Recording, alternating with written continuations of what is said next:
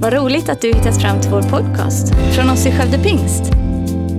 Vår bön är att den ska hjälpa dig förstå mer om vem Gud är, bygga din relation med honom och ge praktiska verktyg för ditt liv.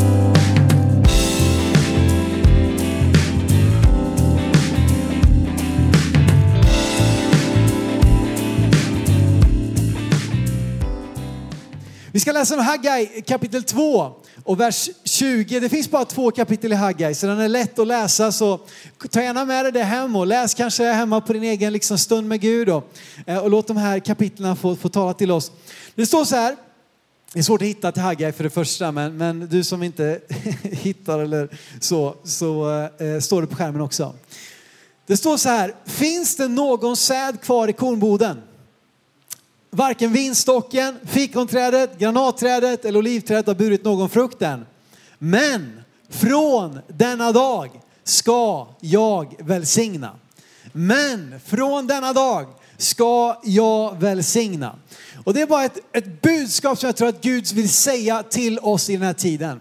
Inte på grund av någon människa, men bara att från denna dag, att Gud gör någonting. Han leder oss in i en ny säsong, en ny tid, ett nytt skifte, en ny sträcka i vår församlingshistoria. Och från denna dag så ska han välsigna. Och det är min fasta tro och min, min bön verkligen från mitt hjärta att vi ska få se det ske att vi ser ett skifte, att vi ser en ny liksom nivå, en ny dimension av Guds godhet, Guds välsignelse och det som han vill göra. Haggai, vem var denne man egentligen? Han var ju en profet, en man som hörde från Gud och som talade budskap som att det var Gud själv som talade. Vi har många sådana exempel, framförallt i Gamla Testamentet, profeter som trädde fram. Och han var då verksam under tiden som Israels folk levde i exil i Babylon. Man har alltså eh, varit med om att man blivit invaderade. Eh, Israels land har blivit invaderat, de har förstört templet, de har fört bort folket i exil i ett främmande land. Eh, men i den här exilen så har Gud ännu inte gett upp sitt folk. Och grejen är att med de allra flesta folken så hade det varit slutet på det här folkets historia. Judarna. Det tog slut när de fördes bort i exil och liksom landet blev invaderat, templet raserades och de fördes bort. Och det skulle ha varit slutet egentligen på de flesta länderna eller flesta folken. Många folk har slutat på det sättet. Men Gud hade en annan plan med sitt folk. Eh, och utan att göra den här storyn för lång då så det är så att under tiden som de är där eh, så eh, en av kungarna där eh, blir använd av Gud och, och ger ett, ett påbud att de judarna som vill kan återvända till Jerusalem för att bygga upp templet. Han hade någon slags respekt för Gud och Gud talade till honom och de judarna som ville återvände till Jerusalem för att bygga upp templet igen. Och så gjorde man det. Och vi läser om det i Esra bok. Och så bygger man grunden för templet. Under två års tid så börjar man liksom få plats, på plats den här grunden. Och man ser, wow, här kommer en gång templet att stå igen. Det som har varit raserat, det som har legat i ruiner, nu är det på väg att byggas upp igen. Och man firar det här med stor, med pompa och ståt. Så firar man, nu har grunden blivit lagd till det nya templet, till det andra templet. Och än en gång så ska det här bli en plats av tillbedjan. Än en gång ska det här bli en plats där Gud talar, där människor får möta honom och där människor får finna hopp och, och mening med sina liv. Men när man gör någonting, då kommer lätt kritiken. Då börjar människor kritisera och så var det också för judarna vid den här tiden. Folken runt omkring de gillade inte det här så att de började göra motstånd. De började hota, de började skrämmas, de började säga vilka tror ni att ni är? Och till slut så får de till och med kungen att förbjuda. De säger hallå, vet du vad som händer? Jerusalem håller på att byggas upp, templet håller på att byggas upp. Det här är ett upproriskt folk. Du kan inte tillåta det här fortsätta. Så den nya kungen som inte gav befallning att det skulle byggas. Han säger nej stopp, ni får inte bygga mer. Eh, och så ligger bygget, det står stilla i 16 år. I 16 år så är det bara en grund för templet. Det, det, visst, det finns en viss form av liksom, kanske ja, gudstjänstliv där, men det är inte alls det som var tänkt, utan det ligger i ruiner, det har blivit halvfärdigt, det, är liksom, eh, ja, det, det finns inget innehåll. Men då har fortfarande inte Gud gett upp. Och genom då profeten Hagga och profeten Sakarja så börjar Gud tala igen till sitt folk. Hallå, ge inte upp. Ta, börja bygga igen. Börja liksom plocka upp, plocka upp kallelsen. Gör det som Gud har kallat er till. Fortsätt, ge inte upp. och så talar Gud till den nya kungen som tillåter dem att fortsätta bygga. Och genom uppmuntran ifrån profeten Hagga, ifrån profeten Sakarja, så börjar folket bygga igen. Man börjar bygga igen. Och så kommer det här bibelversen där, där det står då att, att det verkade, det, människor led brist. Det fanns liksom inte någon säd i kornboden. Det, det, det, gav ingen, det kom ingen liksom frukt på träden. Eh, och, eh, eh, men Gud har inte gett upp. Han uppmanar dem att börja bygga igen. Och bara stanna upp en liten spaning här, så tänker jag ibland att kan det här tala till oss? Har vi nöjt oss med en bråkdel av vad Gud vill göra i och genom oss som kyrka? Har vi nöjt oss med att ja, men det finns en grund här, det är tillräckligt bra, det är tillräckligt mycket, det får duga. En annan sak jag tänkte på, har vi tillåtit inre eller yttre motstånd att stoppa oss från att fullfölja Guds kallelse? Har vi tillåtit människors kritik, eh, som sagt både om det kommer utifrån eller inifrån, har vi tillåtit det att hindra oss, sätta stopp för vad Gud vill göra? Och att vi helt enkelt bara lägger oss platta på marken. Ja, ja, fine, om ni, om ni ska tjata, om ni klagar, om ni inte vill det här, ja, men då ska väl inte vi tränga oss på ungefär. En tredje sak som också boken handlar mycket om är att har vi tillåtit våra egna liv, våra egna hus, våra egna karriärer, våra egna intressen att ta allt utrymme i våra liv. Så att Guds hus bara hamnat en liten, liten, visst det får lite, lite plats här ute, men det är inte alls det vi bygger våra liv omkring. Och då tänker jag, är resultatet av det här, har det gjort att vi går miste om så mycket av det som Gud vill göra, den välsignelse han vill ge, de löftena han har gett oss, vi har predikat om hela sommaren. Har det här liksom mindsetet att vi tillåter oss att nöja oss med bara lite av det Gud vill göra, har vi tillåtit oss att, att låta yttre motstånd sätta stopp för oss, våran kallelse och det vi ska göra för Gud. Har vi tillåtit oss att bara satsa på vårt eget på ett sådant sätt att vi inte upplever det som Gud vill göra i och genom oss. Och det faktum att folket på den här tiden inte längre brydde sig om Guds hus eller har tillåtit det att, att falla, det hade gett att det fanns inget utrymme för tillväxt, det fanns en brist. Det rådde en brist, det fanns inte mat i huset, det fanns inte frukt på träden. Det, det, liksom, det, det, var, det, var, det var ganska tufft. Men så säger Gud mitt i det här att från denna dag ska jag välsigna. Från denna dag ska jag välsigna, det är inte slut, det är inte kört. Vad var det då som gjorde skillnaden? Jo, vi bara backar upp till vers 19 så står det så här. Vad var det som gjorde skillnaden att, att från denna dag ska Gud välsigna? I vers 19 står det så här. Lägg märke till det som sker från idag och framåt. Från den 24 dagen i nionde månaden. Nionde månaden. Den börjar idag va? För september. Vad händer då? Jo, från dagen då grunden lades till Herrens tempel. Så att någonting sker som får Guds liksom Guds välbehag, Guds välsignelse att skifta över deras liv. Att på nytt så började templet, huset byggas. Och det ledde till en förändring. Att från denna dag ska jag välsigna. Och därför är mitt budskap, och jag har bara upplevt Gud har lagt ett ord, och det var det också jag delade med er när, vi, när jag hade den här framtidssöndagen i mars och talade om att vara en trons byggare. Att, vara tro, tro, att ha tro på Gud som leder till att vi bygger. Och det är det ordet jag bara upplevt, bygg. Bygg, bygg. Och jag ska tala idag om att bygg igen. Bygg igen, bygg igen. Ge inte upp. Vi ska läsa vidare då i Haggai kapitel 1. Från vers 2 till 4 och sen vers 8. Eh, och där står det så här då. Vi ska läsa flera bibelord här så ni kan ha kvar om ni har, om ni har lyckats bläddra fram så slå inte igen bibeln nu för allt i världen. Så att ni liksom kan hänga kvar här nu och läsa de här bibelorden. Hagga 1, 2-4 och sen vers 8. Så säger Herren Sebo, detta folk säger, tiden har inte kommit än. Tiden att bygga upp Herrens hus. Herrens ord kom genom profeten Hagga. Han sa, är det då tid för er själva att bo i panelklädda hus medan detta hus ligger i ruiner? Vers 8, gå upp till bergen hämta virke, bygg upp mitt hus så ska jag glädja mig över det och visa min härlighet, säger Herren. Inte nu, inte än. Har ni hört det någon gång? Nej, inte nu, inte än. Inte nu, kanske sen. Inte än, kanske snart. Mañana. Lite som latino, mañana, imorgon. Och då vet alla latinos att manana betyder inte imorgon, det betyder någon gång, men inte idag. Kanske imorgon, kanske om två år, kanske om tre veckor. Jag vet inte. Manana, manana, manana. Och den där, liksom, den där livsstilen kan vi leva med. Nej, inte nu, inte än, om jag bara, när jag bara har. Men jag tycker det är så intressant här att Bibeln är full av exempel på så säger Herren. Men här säger Herren, så säger folket. Jag tycker det är lite intressant att Gud säger, så säger folket. Tiden har inte kommit än. Nej, nej, nej, det är, det är inte dags nu. Ta det lugnt, sitt lugnt i båten. Tiden är inte än. Vi måste be att väckelsens tid kommer. Men den är inte idag. Den kanske kommer om vi ber, om vi väntar, om vi finns kvar. Om Herren dröjer och vi får leva, så kanske sen, men inte nu. Men jag anar en liten irritation hos Gud, en liten frustration hos Gud. Vadå inte än? Vad är det som saknas?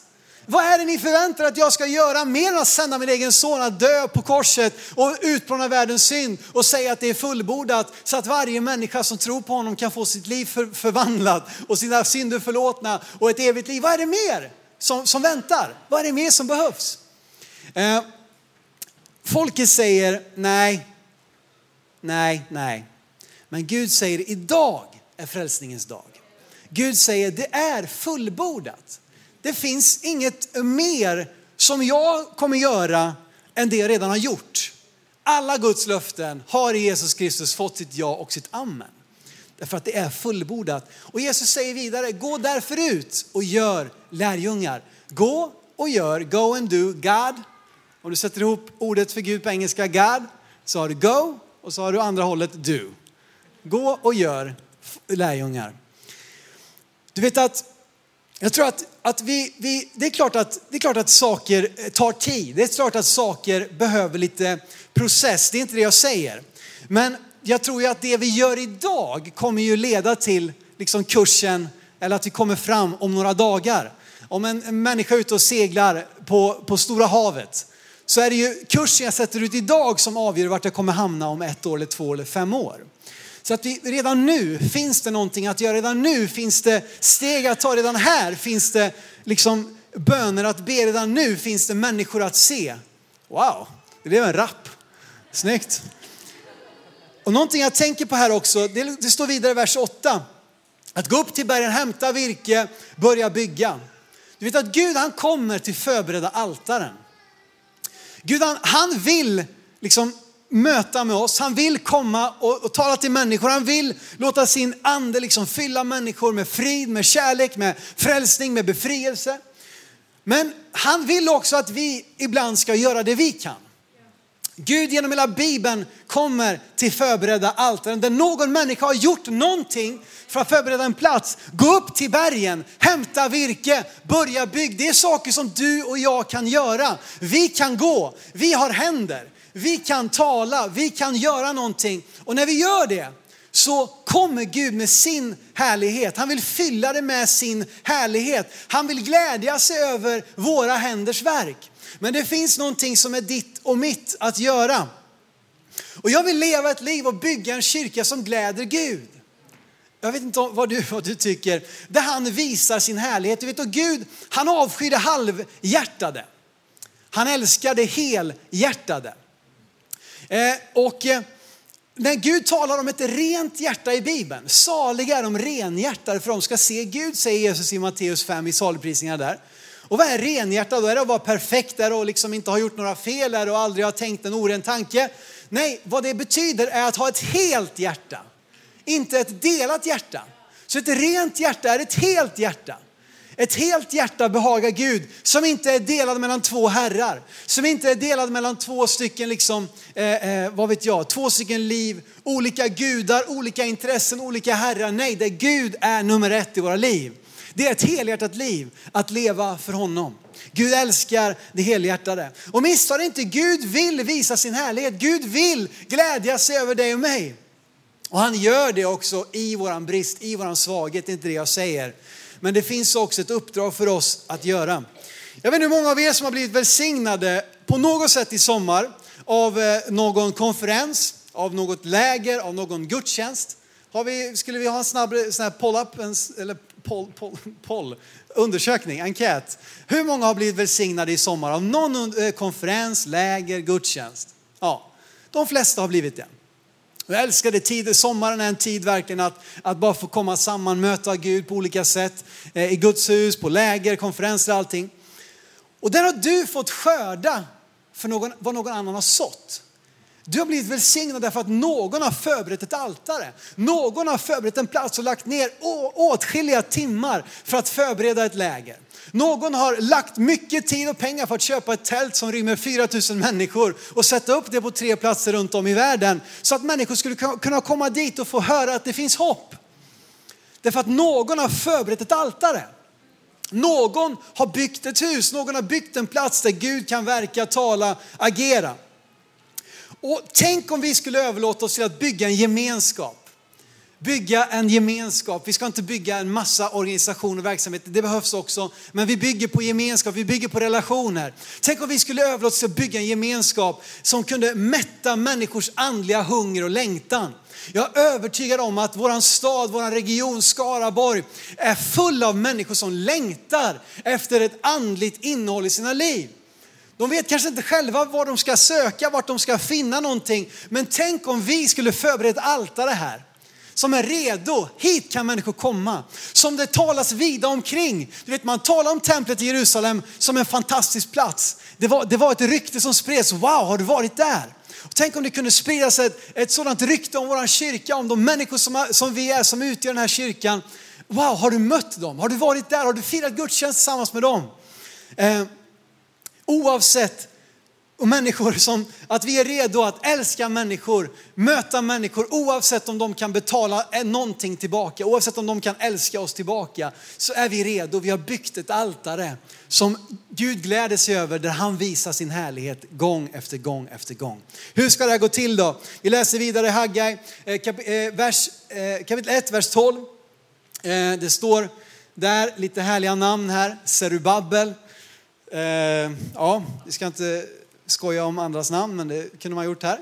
Eh, Serubabel, Serubabel, Shealtiels son, översteprästen Josua, Josadaks son, alla de som var kvar av folket lyssnade till Herren, sin Guds röst och till profeten Haggais ord, som Herren deras Gud hade sänt honom och folket fruktade Herren.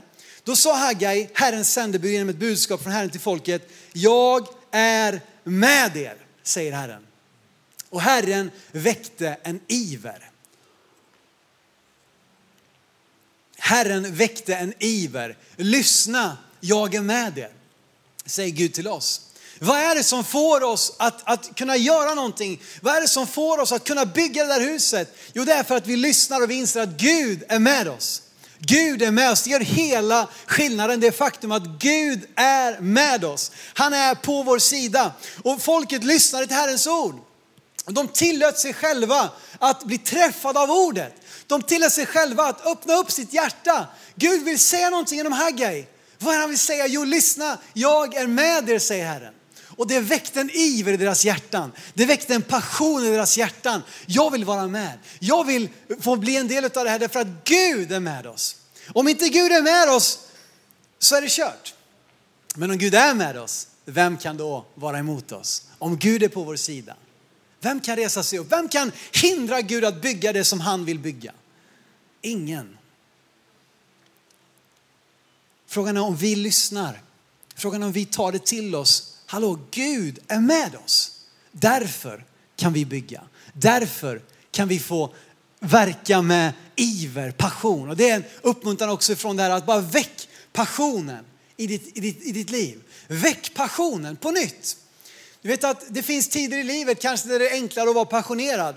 Men jag vägrar tro att passion är något som hör ungdomen till. Vem har sagt det?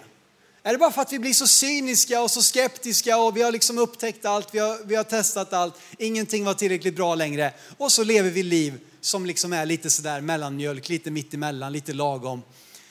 Nej, jag tror att vi ska låta Guds ande väcka en passion i våra liv.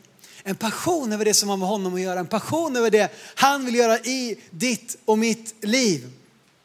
Låt inte tidigare kanske eh, misslyckanden, tidigare snedsteg liksom avtrubba vårat sinne. Jag vill inte vara avtrubbad för Guds ord. Men jag inser att det är väldigt lätt att bli det.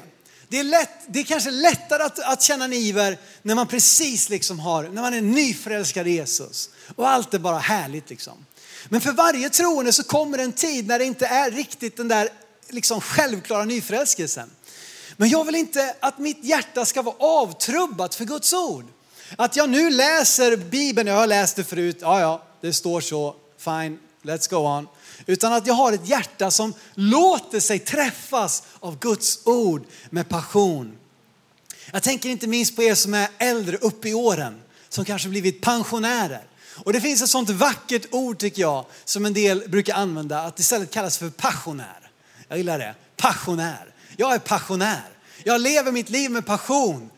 Inte liksom att det, det behöver liksom betyda att jag dansar och studsar och, och liksom jublar och, och, allt vad det är. Men jag lever mitt liv utifrån en passion och jag fortsätter att förundras över Guds ord. Jag fortsätter att förälskas i Jesus ännu mer. Jag fortsätter att sjunga lovsång med samma hjärta som den dagen jag tog emot Jesus eller den dagen jag blev döpt, den dagen jag blev fylld med den helige ande. Jag har samma passion än idag. Och Gud, gör mitt hjärta mjukt så att jag kan träffas av det du vill säga. Det står vidare i Haggai 2, vers 4-6.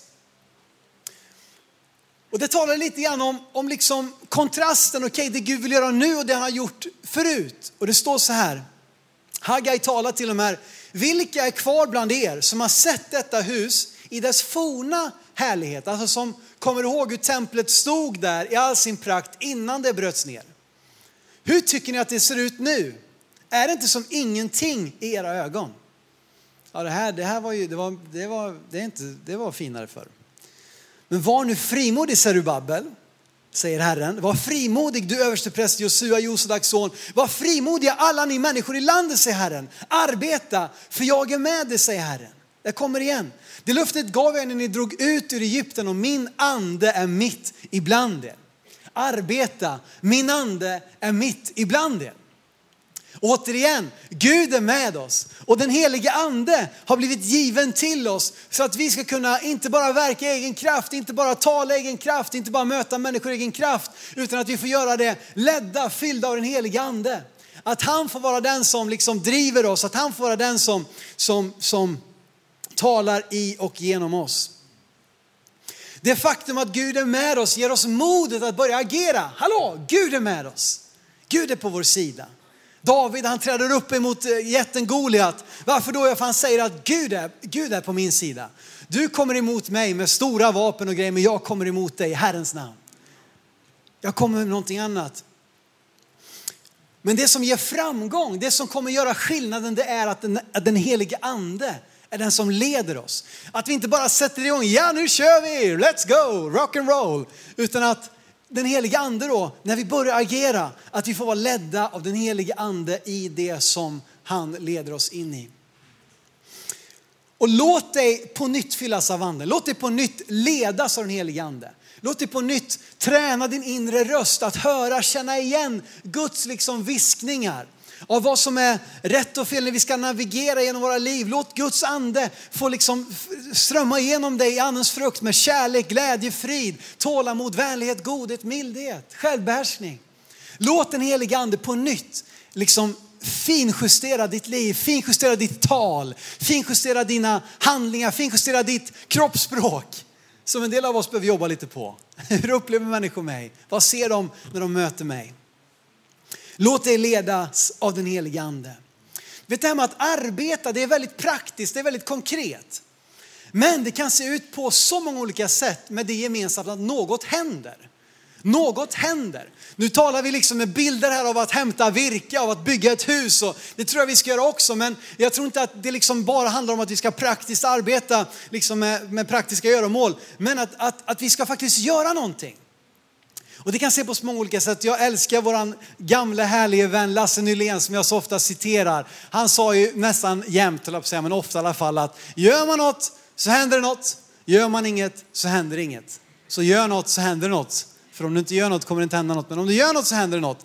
Och så höll han på sådär i 40 minuter och så var det en bra predikan ungefär.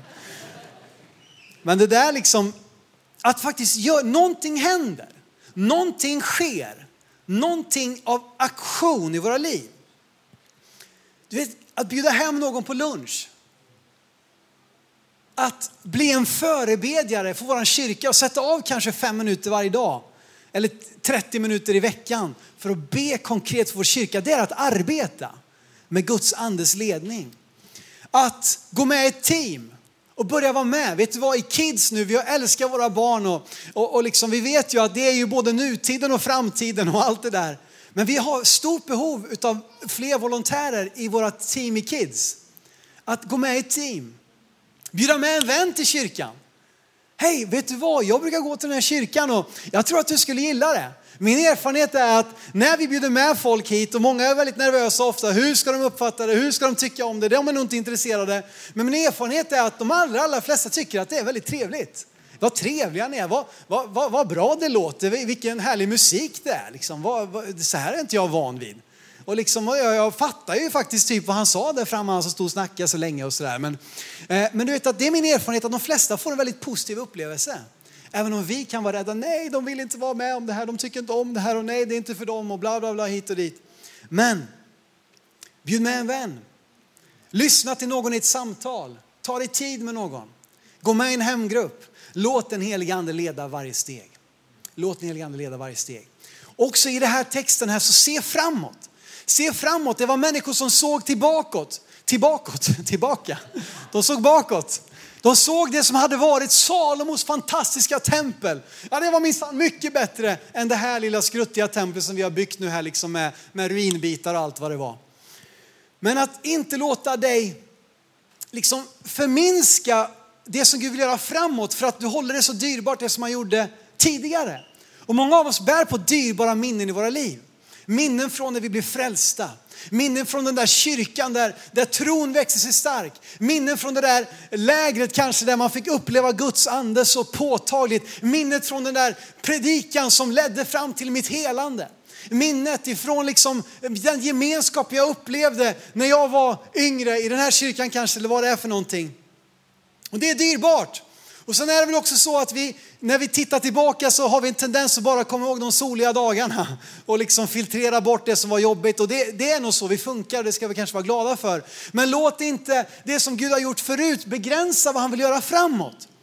Att vi hela tiden jämför, jaha, nej men det var bättre förr, det, var, det såg ut på ett annat sätt då. Utan Gud vill att vi ska få förundras och se vad han vill göra framåt. Varför? Därför att Guds ande är mitt ibland er. Och här så vill Haggai gjuta mod också. Låt inte de som talar ner om det här, liksom, ja men du vet, har du sett på den kyrkan, den är mycket större. Och har du sett, vet du hur det var här på 70-talet? Och vet du vad som hände där? Ja men den predikanten, han är mycket bättre. Låt inte det slå ner. Utan var frimodig, var mycket frimodig därför att Guds ande är mitt ibland er. I Lukas kapitel 7 så finns det ett eh, bibelord här där Jesus möter en romersk officer i Kapernaum, hans nya hemstad. Han kommer till en plats, en romersk officer, alltså en man som jobbade åt ockupationsmakten, som var liksom en del av fienden. Han kommer till Jesus och han ber om att Jesus ska säga ett ord så att hans tjänare blir frisk där hemma. Därför att han är en man som står under auktoritet och han vet hur det funkar och han vet att om Jesus bara säger ett ord så blir min tjänare frisk. Och ska vi läsa här i Lukas 7, vers 9-10. Där står det så här att när Jesus hörde detta blev han förundrad över honom. Han vände sig till folket som följde honom och sa, jag säger er inte ens i Israel har funnits en så stark tro. Och de som skickades ut återvände hem och fann tjänaren frisk. Romerska officerens tro förundrade Jesus. Förundra Jesus. Kan vi förundra Jesus? Vad är det som leder till att Jesus förundras? Du vet att det här ordet förundras är ett ord som på grekiska är thavmaso. Thavmaso. Det används 43 gånger i Nya Testamentet, men bara två gånger är det Jesus som thavmaso. Två gånger så blir Jesus förundrad. Vad är det som får Jesus att förundras? Det var överallt när Jesus gick fram så förundrades folket, men vad är det som får Jesus att förundras? En sak som fick honom att förundras, det var den här romerske officerens tro. Även om han, han var inte ens, han var inte ens tillhörde inte ens Guds folk. Han var liksom det mest otippade man kan tänka sig. Men han hade en tro i sitt liv som fick Jesus att förundras. Den andra gången Jesus förundras är i hans hemstad Nasaret. Och i Markus kapitel 6, vi ska läsa där. Och lovsångsteamet gick gärna komma fram här så börjar vi närma oss slutet här. Tack och lov tänkte någon här. I Markus 6, Jesus återvänder till sin hemstad Nasaret. Där han var uppvuxen. När han kommer dit och han har gjort stora under. Han har liksom väckt upp döda, jag vet inte om han har gjort det än här i och för sig, men alltså han har gjort stora under. Ryktet om honom har spridits över hela Galileen där också Nasaret ligger. Människor har förundrats av Jesus överallt. Men så kommer han till sin hemstad Nasaret där människor var ganska familjära liksom med Jesus. Och de börjar säga, men vem är det där? Det där är väl snickarens pojk? Är inte det Marias eh, äldste eller? Jo, oh, jag tror det. Han, är, han eh, byggde ju min eh, veranda här förra sommaren och det. Och, jag vet inte hur de snackar, men det var någonting i alla fall. De, de liksom, vadå Jesus? Vi har ju vi har ju sett honom växa upp. Vem tror han att han är? Skulle han vara någon Messias? Skulle, ska, han, ska han komma hit nu, den här liksom pojken, och, och börjar liksom predika för oss, säga vad vi ska göra, börja hela? Nej, nej, nej, det där kan inte gå. Och så läser vi om andra gången Jesus förundras i Markus 6, vers 56. Han kunde inte göra någon kraftgärning där, alltså Jesus, utom att bota några få sjuka genom att lägga händerna på dem. Och han var förundrad över deras otro. Jesus förundras två gånger. Den ena gången av den romerska officerens tro, den andra gången av folket i Nasarets otro. Och jag bara frågar mig själv, på vilket sätt förundrar jag Jesus? Förundras Jesus av min tro eller förundras Jesus av min otro? Det är en ganska stor skillnad. Jag undrar hur många gånger Jesus går hem från gudstjänsten och tänker, jag kunde gjort så mycket mer. Hallå? Det finns mer. Jag vill göra mer. Jag vill glädjas över er. Jag vill visa min härlighet över er. Om ni bara kunde liksom öppna era hjärtan för mig. Om ni bara kunde låta min ande liksom väcka era hjärtan. Om ni kunde bara låta mig få säga ett enda ord så skulle den där tjänaren bli frisk. Hur många kyrkor frustrerar Gud när han längtar efter att använda sin kropp, sin församling, sin kyrka för att visa Jesus här på jorden. Men vi sitter trygga. Vi nöjer oss med lite grann. Vi lägger lite i kollektboxen för att stilla våra samveten. Vi kommer lagom ofta för att ingen ska undra om vi har slutat att komma. Och vi ber tillräckligt länge. Du, du förstår grejen. Vad är det som förundrar Jesus egentligen i våra liv, i vår kyrka, i vår gemenskap? Är det vår tro eller är det vår otro? Jag tror att det finns för många otroende troende och att vi behöver fler troende som tror. För många som bekänner sig till Jesus, som har en tro på honom men lever sina liv som att allt kvittar. Att han är, han är väl, ja ja, det får väl vara vad det är. Men tänk om vi bara kunde fånga upp, hallå bygg igen, bygg igen. Tack för att du lyssnat. Dela gärna podden med dina vänner och glöm inte att prenumerera så du inte missar nästa predikan. Om du har några frågor eller vill att vi ska be eller tacka för något tillsammans med dig så får du gärna höra av dig till kyrkan skövdepingst.se. För oss är veckans höjdpunkt söndagens gudstjänst och det vore så kul att träffa dig där. Våra team finns då redo att ta emot dig och det finns även egna samlingar för barnen. Du hittar mer information om oss, vilka vi är och våra olika mötesplatser på skövdepingst.se. Gud välsigne dig och ha en fortsatt bra vecka.